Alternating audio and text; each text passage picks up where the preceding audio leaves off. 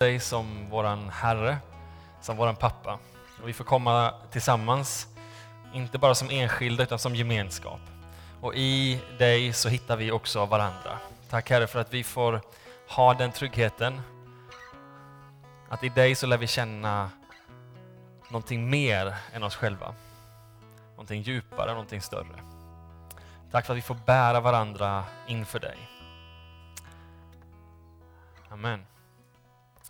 Vi går till dagens text från Johannes kapitel 21 och vers 15, några av de sista verserna i Johannes evangeliet.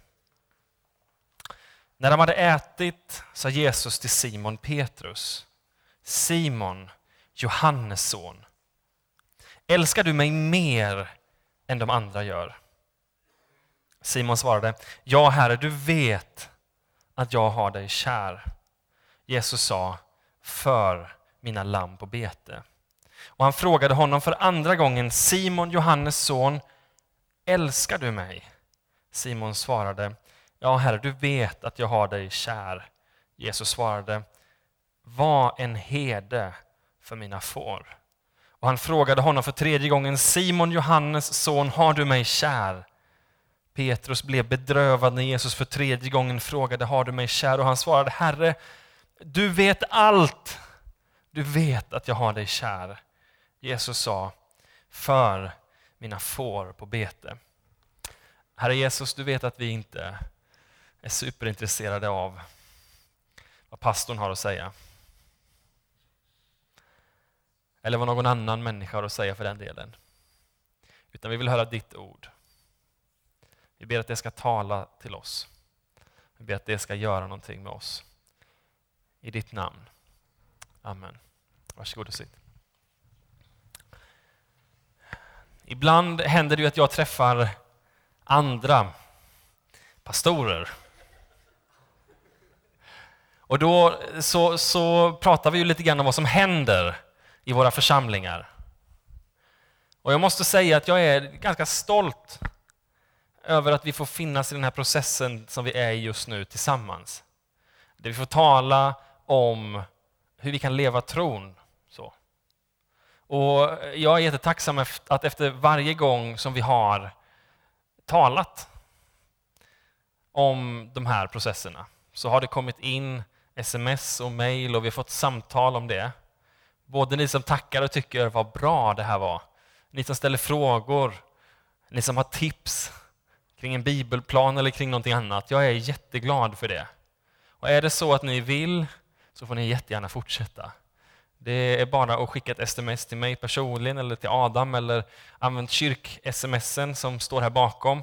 Kanske det lättaste. Du kan göra det som en liksom kommunikation med, med Jeppson under tiden som vi, eh, som vi har predikan här så får han se lite grann vad ni tycker och tänker.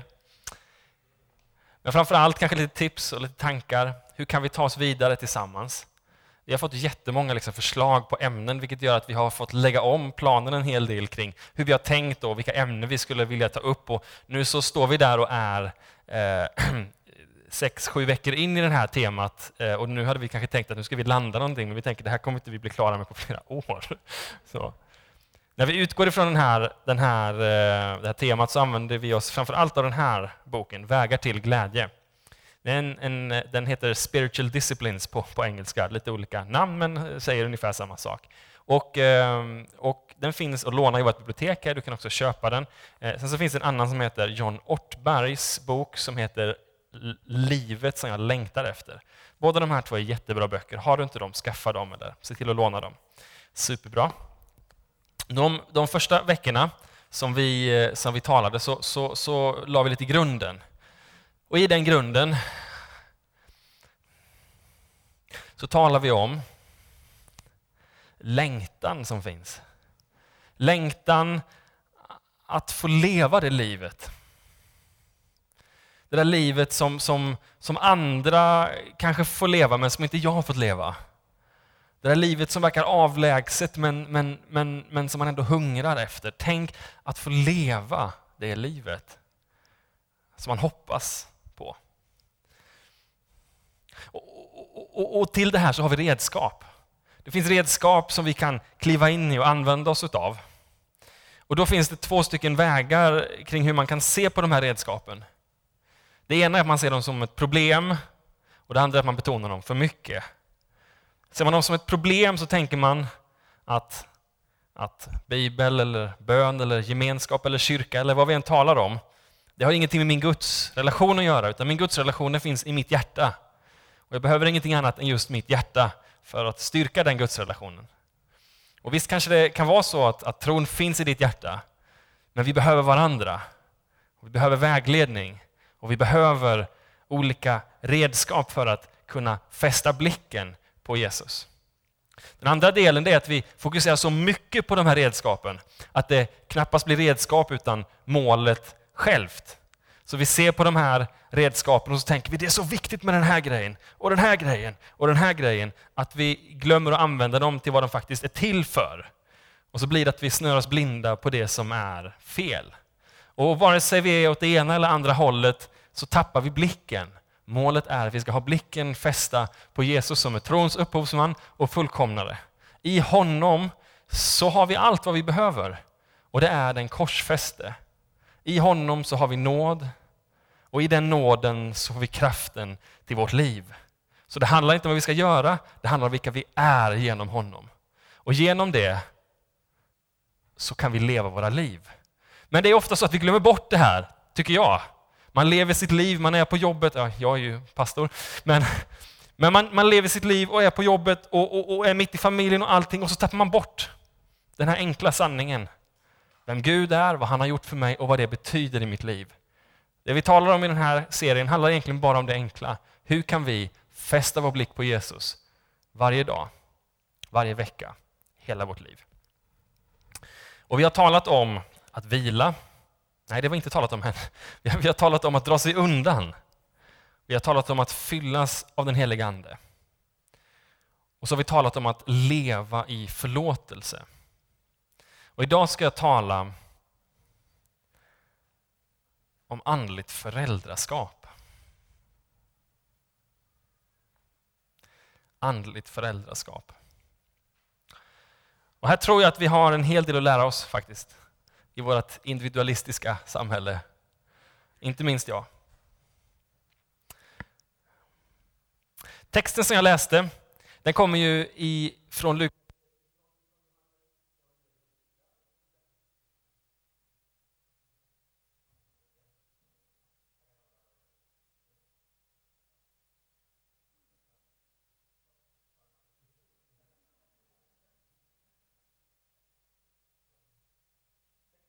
som, eh, som jag läste var ifrån Johannes evangelium. Eh, men det där med får, för mina får på bete, eh, det är någonting som verkar vara Jesu, ett av Jesu liksom älsklingsämnen.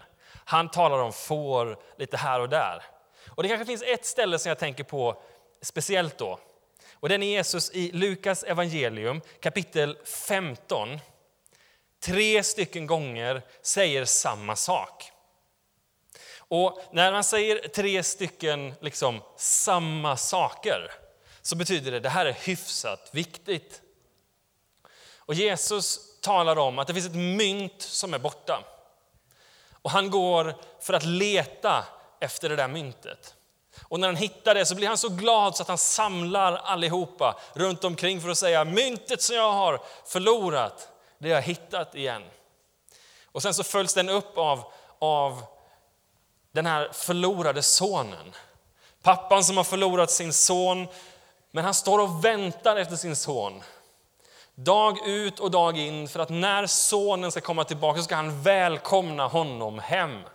Och när sonen kommer hem efter mycket om och men, så är han välkommen tillbaks. Pappan har väntat på sitt barn.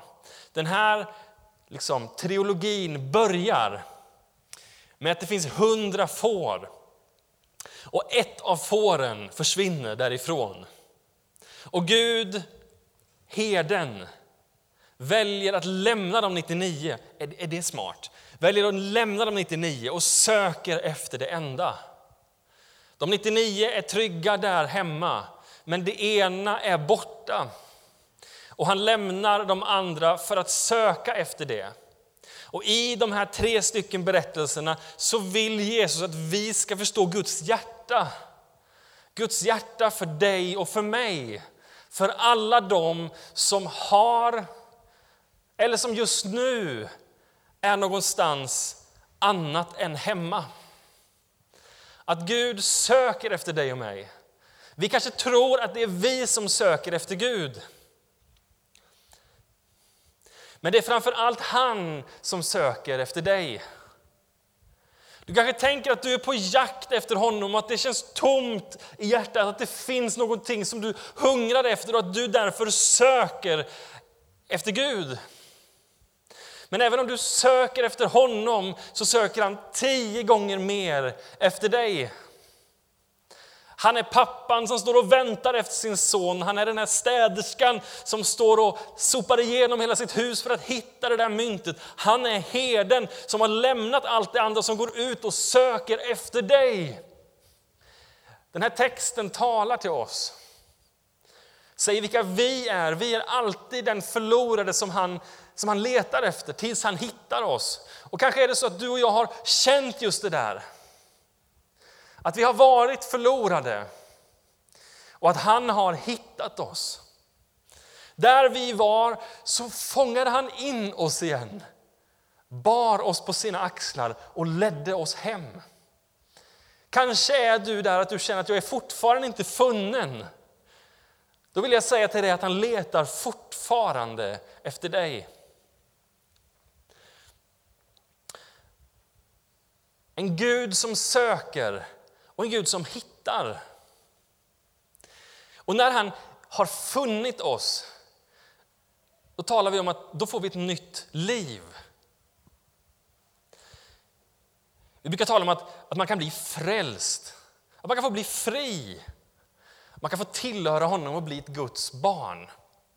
Det här är någonting som man kan göra hela sitt liv. Alltså, du kan alltid arbeta på din frälsning, säger Paulus. Du kan hela tiden jobba för att komma närmare Gud. Men samtidigt tror vi att det här är ett specifikt tillfälle. Då du en gång sätter ner foten och säger jag tillhör dig. Jag tillhör dig. Jag väljer att vara hemma hos dig och vart än du är kallar jag för hem. Jag har varit med om en hel del personer som har valt att göra den resan.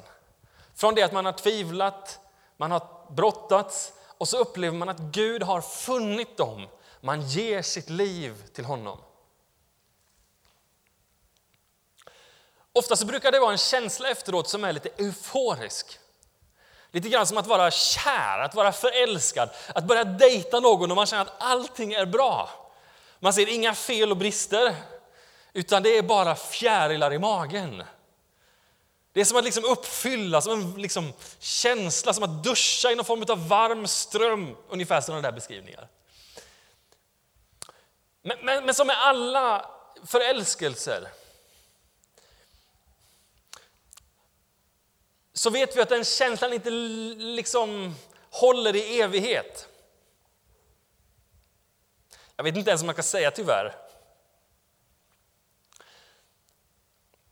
Och så, och så tänker jag, det här kanske är en dålig bild. Så, så jag vet inte om ni ska citera mig utanför här, men jag tänker att, att, att det är ungefär som att få en ny bil. Man, man, har, man har aldrig haft en bil innan. Man kanske inte har körkort. Och så får man bilnycklarna till en ny bil. En sån där Mercedes som man alltid har önskat att få. Vad gör man när man får en ny bil? Man står där på parkeringen. Man öppnar den, man går in, man sätter sig. Och man känner liksom, mm, det här känns bra. Men jag vet inte hur det är med dig, men när du inte hade körkort, hur kändes det då när du satte dig i en bil för första gången? Hyfsat osäkert. Pappa övningskörde med mig första gången. Han hade det jobbigare än jag. Alltså det här, det, nu väntar vi några veckor innan nästa gång. Känslan var att vi kommer krocka. Va? Och så tänker jag, det, det kanske är så att första gången man sätter sig i en bil, kanske finns det de personerna som liksom, man har det i blodet, eller hur? Det liksom sitter där, man har det i blodet. Så man går in i bilen, liksom dragläget sitter liksom där man har det. Man backar bak.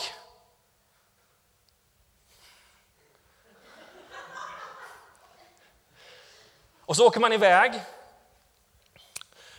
Och, och, och, så, och så bara har man en känsla att man bara ska åka den vägen, så man åker ut och så åker man bara rakt fram, och så tar man till höger, så tar man till vänster, och så gasar man fram och så, så går man ut. Och när man har hoppat ur bilen så råkar man vara på en bibelskola. Och så börjar man på bibelskolan och så hittar man kärleken i livet. Och, och, och, när man hittar kärleken i livet så gifter man sig efter tre månader. Och efter ett år ungefär så har man fått sitt första barn. Och sen kommer fem till efter ett tag. Och, och alla de barnen de vill, vill, vill helst bli missionärer eller pastorer. Och så lever man lycklig i resten av sitt liv. Det, det kan ju hända. Det kanske har hänt någon. Jag vet inte om det händer speciellt många. Lite vanligare kanske det är att man inser att man inte har körkort. Så man sätter sig i bilen och så känner man sig lite, lite vilsen. Hur startar man? Man har förstått att man ska vrida om nyckeln. Men så mycket mer har man inte koll på. Det här liksom boom, boom, boom, boom, boom. Innan man liksom kommer iväg och kommer upp från ettan till tvåan. Hur, hur löser man det? Så man inser att det här är, det här är till och med olagligt. Man går ur bilen, man går tillbaka till liksom skolan när man är och så, ah, man har en bil, men man vågar inte använda bilen. Så den blir stående liksom, på samma plats där man fick den, för man har inte körkort än. Eller så är det så att du faktiskt kan lära dig att köra själv. Du får ditt körkort, men jag vet inte hur det är med dig, men ibland när jag har haft en lånebil så kan det vara lite pinsamt att tanka ibland. Jag har kört in liksom och så, och så försöker jag att öppna luckan, vet, tankluckan, och jag vet inte hur man gör. Hur öppnar jag tankluckan för att fylla på bensin? Och när man är 30 år, då känner man att man ska inte behöva fråga någon om detta. Så man tar upp telefonen och så googlar man, hur öppnar man tankluckan på den här bilen? Och man får inga svar. Man får inga svar. Hur öppnar man tanken? Så man går in, jag har gjort det här alltså, går, man går in och så står man där och så, och så är det en tjej som är tio år yngre i kassan och så frågar jag. du, jag har en bil, märket det här, en Kia. Jag kan, jag kan inte tanka den här.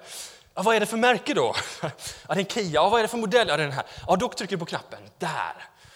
Ja, jag, jag vet inte. Så, så följer hon med ut, trycker på knappen. Så bara, det är så pinsamt.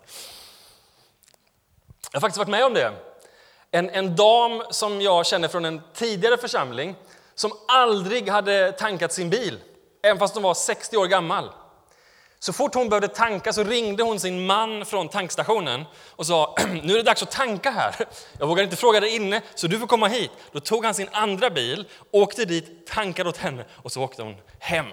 Jag vet inte om det är, det är överdrivet tjänande eller om det är överdrivet fjäskande. Men det där att känna sin bil, att veta vilka funktioner som finns. Man behöver någon som lär en hur det funkar. Om man bara har kört cykel innan, man har tagit cykeln till skolan, man kanske gillar att ha sån här BMX, man hoppar lite grann och man har ett specifikt hopp som man tycker är fantastiskt. Liksom, upp och så, så. Fantastiskt, vad trevligt att det är att få hoppa innan man åker till skolan. Då tänker man, min nya Mercedes, den har ju mer hästkrafter än mina ben. Tänk om jag ska ta samma väg ut i skogen. Så man har lärt sig köra, man har lärt sig tanka, så man tar sin bil och så åker man ut på samma skogsväg, det är lite bullrigt så här. Och så åker man liksom ut och så nu kommer det här hoppet. Nu ska jag hoppa högre än jag någon gång hoppat tidigare. Så man liksom gasar och så Pang! Och så inser man att den här bilen kommer aldrig se likadan ut igen från det att den, den, den kommer ut från den där skogen. Vissa bilar ska köra i viss terräng andra bilar ska köra på autobahn. Mercedes hör hemma på autobahn. Även om det är så att du har koll på de här tre första grejerna, du ska köra på autobahn, du har tankat och du har ditt körkort, så är det ändå så att du ska ut på vägen och du ska köra. Och vi kan åka hyfsat länge utan att egentligen veta vart vi är på väg. Du kanske kan köra superlänge utan att ha någon egentligen koll på vart är det vi ska åka. Så snurrar man runt, man åker till en stad, man åker till en annan stad och när man har åkt ett tag så inser man att ja, det här var väl det då. Vad ska jag göra med en bil om jag inte har ett mål? Jag vet inte om du förstår vart jag försöker komma någonstans. Men när vi kliver in tillsammans med Gud så är allting nytt. Och det är svårt att lista ut saker på egen hand. När man står där och man har fått någonting nytt, typ en bil som man aldrig har suttit i. Jag vet inte hur man kör en bil. Jag vet inte vad det finns för olika funktioner. Jag har ingen koll på i vilken terräng man ska köra och jag har ingen aning om vilket håll vi ska åka. Hur ska man kunna klara det själv? Ibland så kan jag ha lite medlidande med de som kliver in i tron för första gången och som inte har en familj eller någonting runt omkring som kan supporta. Hur får man det att funka på riktigt? Det är supersvårt. Jag vet inte hur många gånger jag har haft samtal om hur man ska läsa Bibeln. Det kan ju gå åt både det ena och det andra hållet, eller hur? Man fastnar i de här tredje Moseboken och alla lagar och tycker det är urtrist. Hur kommer jag ur det här? Jo, men det så, vi brukar inte börja från början, utan vi brukar börja med evangelierna, med någonstans i mitten. Ja, men vem ska säga det då? Ja, men det, det, här med liksom det sista, det här draken och skökan och allt blod och eld, och vad, vad gör jag med det? Hur många samtal har inte jag haft med personer som stirrar sig blind på fel saker? Det är bra saker som står, men man kan inte läsa dem. Hur många konspirationsteoretiker har det inte blivit utifrån det att man har suttit själv och bläddrat i en bok som man inte har någon koll på hur man ska läsa? Ja, det är viktigt att du ber också. Hur gör man det? Hur får man det att funka då? Gode Gud välsigna maten, amen. Och sen då? Hur kliver man vidare i det? Någonstans här så inser vi att vi skulle behöva inte kanske bara en person utan flera personer som man går tillsammans med. Som man alltså finns tillsammans med och som kan guida vägen. Som kan säga, hur gör man det här? Vad finns det för funktioner? Som en körskolelärare som du vet sitter och ibland tar ratten och säger nej. Åker du dit så krockar man. Som sitter och har du vet, en extra broms och du vet tvärnitar ibland när det behövs. På min första uppkörning så fick min körskollärare använda den. Så att inte jag åkte rakt ut på en långtradare. Men jag säger inte att vi ska ha uppkörning, men visst är det bra att ha någon som sitter bredvid och som kan säga hit ska vi. Och som har den här extra bromsen, liksom, gör så att inte jag krockar. Och så funderar jag ibland, är det så vi hanterar våran tro? Vi tänker att allting går på känsla och så känner vi att folk ska kunna allting som det har tagit oss 15-20 år att öva på. Hur jobbar vi med det här? Till texten. Texten handlar om Petrus. Petrus har varit the guy. Det är han som mer än kanske någon annan var tänkt att leda den första församlingen. Sen har han svikit Jesus, inte en gång utan tre gånger. Jesus har uppstått, han har mött honom. Ändå så går han tillbaka till sitt gamla yrke. Han har blivit fiskare. Och där när han fiskar så kommer Jesus till honom. Jesus kommer till honom, börjar tända en eld och Petrus ser att det är Jesus. Så Petrus klär på sig kläderna och så hoppar han i vattnet och så simmar han dit före någon annan. Och så funderar jag, varför gjorde han det? Och så tänker jag, jag tror att det handlar om att han ville ha en liten egen stund med Jesus. Han ville ha en stund med Jesus där han kunde prata ut och säga allt det som han inte ville att de andra skulle höra. När Jesus väntar tills de andra kommer. Jesus väntar tills alla har samlats runt Petrus och Jesus. Och där så säger Jesus, Petrus, älskar du mig mer än de här? Du vet att jag har dig kär. Det är okej. Okay. Men det är som att Jesus liksom vill retas, så han kör det en gång till. Petrus, älskar du mig? Du vet att jag har dig kär. För mina får på bete. Och sista gången är Petrus helt krossad. Petrus, har du mig kär? Du vet allt, du vet allt, du vet att jag har dig kär för mina får på bete. Vad är det som händer här? Det är tre saker som händer. För det första så blir han förlåten för sina tre överträdelser.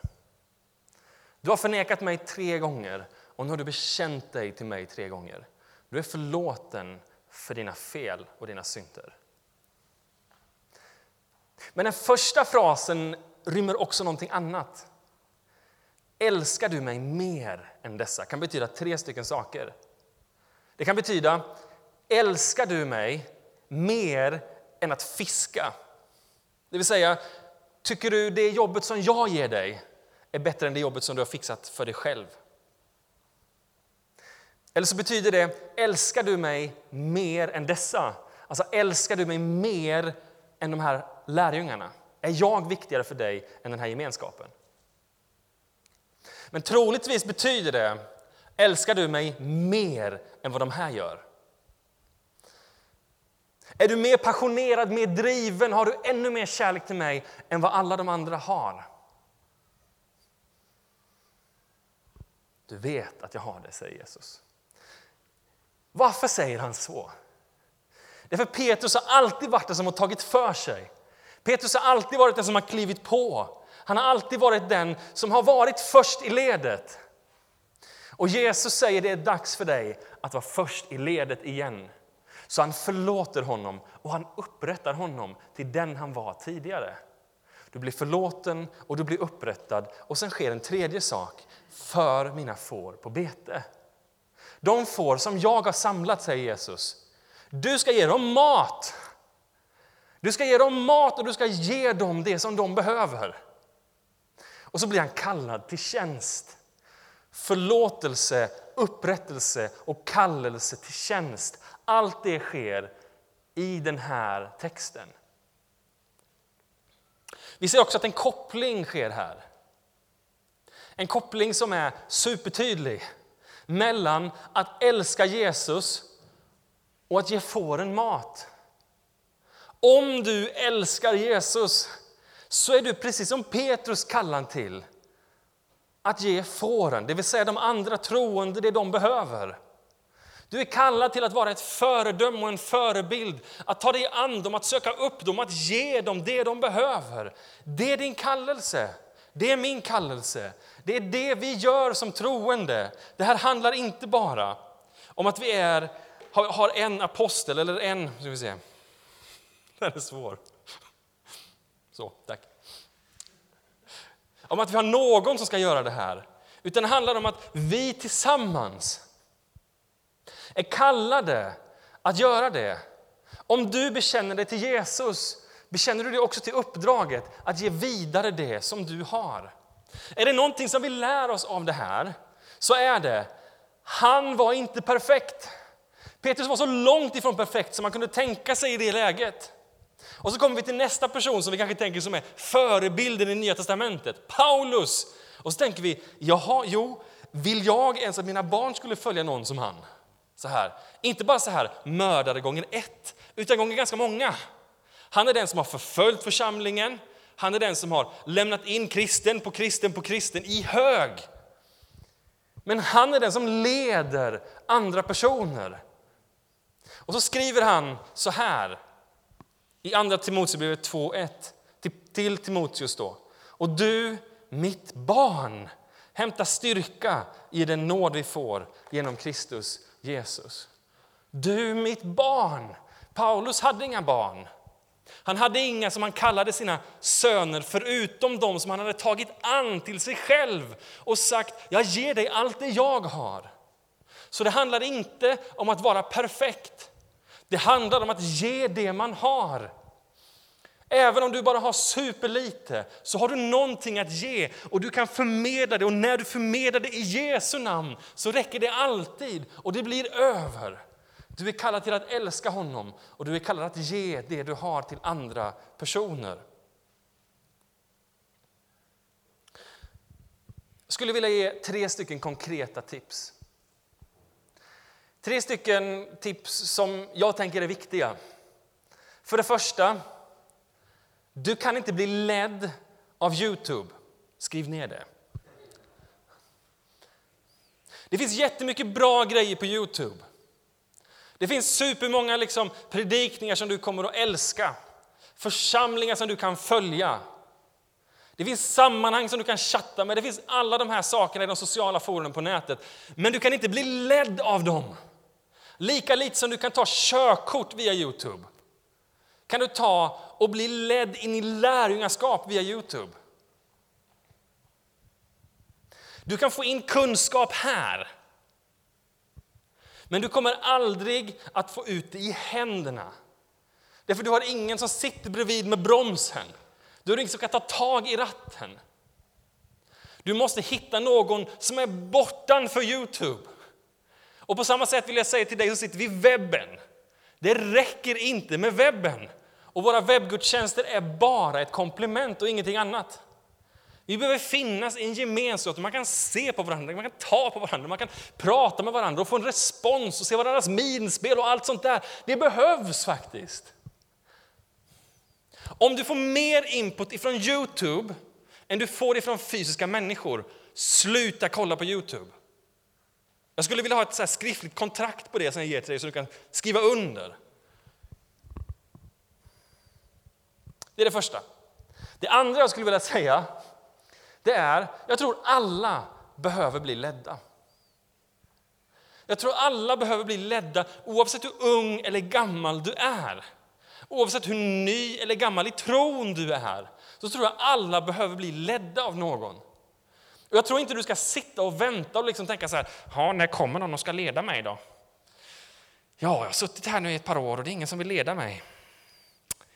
Ja, utan du har ett ansvar att själv söka upp någon och säga kan du och jag ha samtal?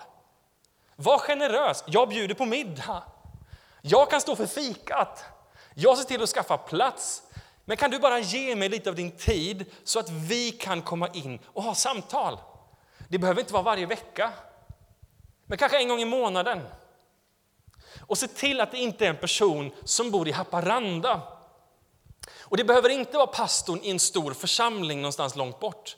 Utan någon som kanske har sett dig, någon som har sett dig växa upp, någon som känner dig lite mer. Det kan till och med vara dina föräldrar. Till den tredje grejen. Se till att du har någon att leda. Men jag har inte ens någon som leder mig. Börja ge det du själv vill ha. Börja ge det du själv vill ha och börja där du står. Börja där du står. Om du står i en familj, då är det den familjen du primärt ska leda. Men se till att du inte bara lär dem att inte peta i näsan. Att du inte bara lär dem att ta på sig snygga och liksom bra kläder, rena och hela. Utan du ska också lära dem hur lär man sig att be. Du ska också lära dem hur läser man sin bibel. Du ska också lära dem hur hanterar man församlingen med respekt. De sakerna är där du börjar. I morses, eller igår så läste vi ut en sån här barnbibel. Och idag så började vi på en ny. Vi har en rutin där vi läser lite grann på morgonen. Och då sa Nomi så här, vår äldsta dotter. Ska vi läsa Bibeln en gång till? Nu har vi redan läst den Monken. Ett gyllene tillfälle för mig att lärjungaträna. Ja, Bibeln läser vi inte en gång. Vi läser den flera gånger. Vi vill ha en relation med Guds ord och vi vill att det ska vara någonting som återkommer varje dag. Så vi kommer läsa den här Bibeln hela våra liv. Och jag hoppas att du kommer läsa ut den själv flera gånger om. När du investerat i dina barn, det kanske finns andra som du också kan investera i. Finns det någon runt omkring dig, någon som du har lett till tro, någon som någon annan har lett till tro, men som står där ensam? Jag tror inte du ska kasta dig över någon, men jag tror du ska finnas där och investera tills det att frågan kommer. Vi behöver lära oss att bli bättre på det här. Att leda varandra i tron. Jag vågar säga så här, det här handlar inte om att den här kyrkbyggnaden, eller att vi ska ha en struktur för det. Det här handlar mycket mindre om struktur och mycket mer om kultur. Vi behöver hitta en kultur där vi frågar om hjälp och där vi ger det som behövs. Där vi ger det där vi står och där vi väljer att sträcka oss vidare. Låt oss hitta det så att vi inte står där ensamma eller, eller kraschar i ett gupp på skogen någonstans i vår färd i tron. Jag skulle vilja avsluta med en text ifrån Jesaja. Jesaja kapitel 54 och 1. Där står det Jubla, du ofruktsamma, du som aldrig har fått barn. Brist ut i jubelrop, du som aldrig har fött. Den övergivna ska få fler barn än den kvinnan som är gift, säger Herren. Det här är ett löfte om det nya förbundet och vad den säger till oss. En kvinna på den tiden var inte värd mer än de barn hon kunde föda. Det här handlar om värdet i livet och man såg det som de barn man bar fram. Men så finns det de som inte kan bära fram barn och deras värde i livet såg som hyfsat osäkert. Men då säger Jesaja att du ska inte se det som att du inte har några barn bara för att du är ofruktsam. För det finns en tid då den som är ofruktsam ska få fler barn. Fler barn än den som inte får några barn. Och det talar om den processen jag har talat om här idag. Att du kan bli som Paulus och investera det du har i människor till den grad att de blir dina andliga barn. Att du kan se på dem och du kan säga jag har investerat i den och i den, i honom och i henne. Och ni kanske har biologiska föräldrar på andra håll men ni har inga andliga föräldrar på annat håll. Det får jag axla och jag kliver in och vill visa vägen där. Kan vi bli en församling som skapar en sån kultur och en sån bana? Där vi dras bort ifrån Youtube, där vi söker någon att bli ledd av och där vi alltid ser till att leda där vi står. Så tror jag att vi kommer mycket längre än där vi står idag. Skulle vi kunna ställa oss upp tillsammans?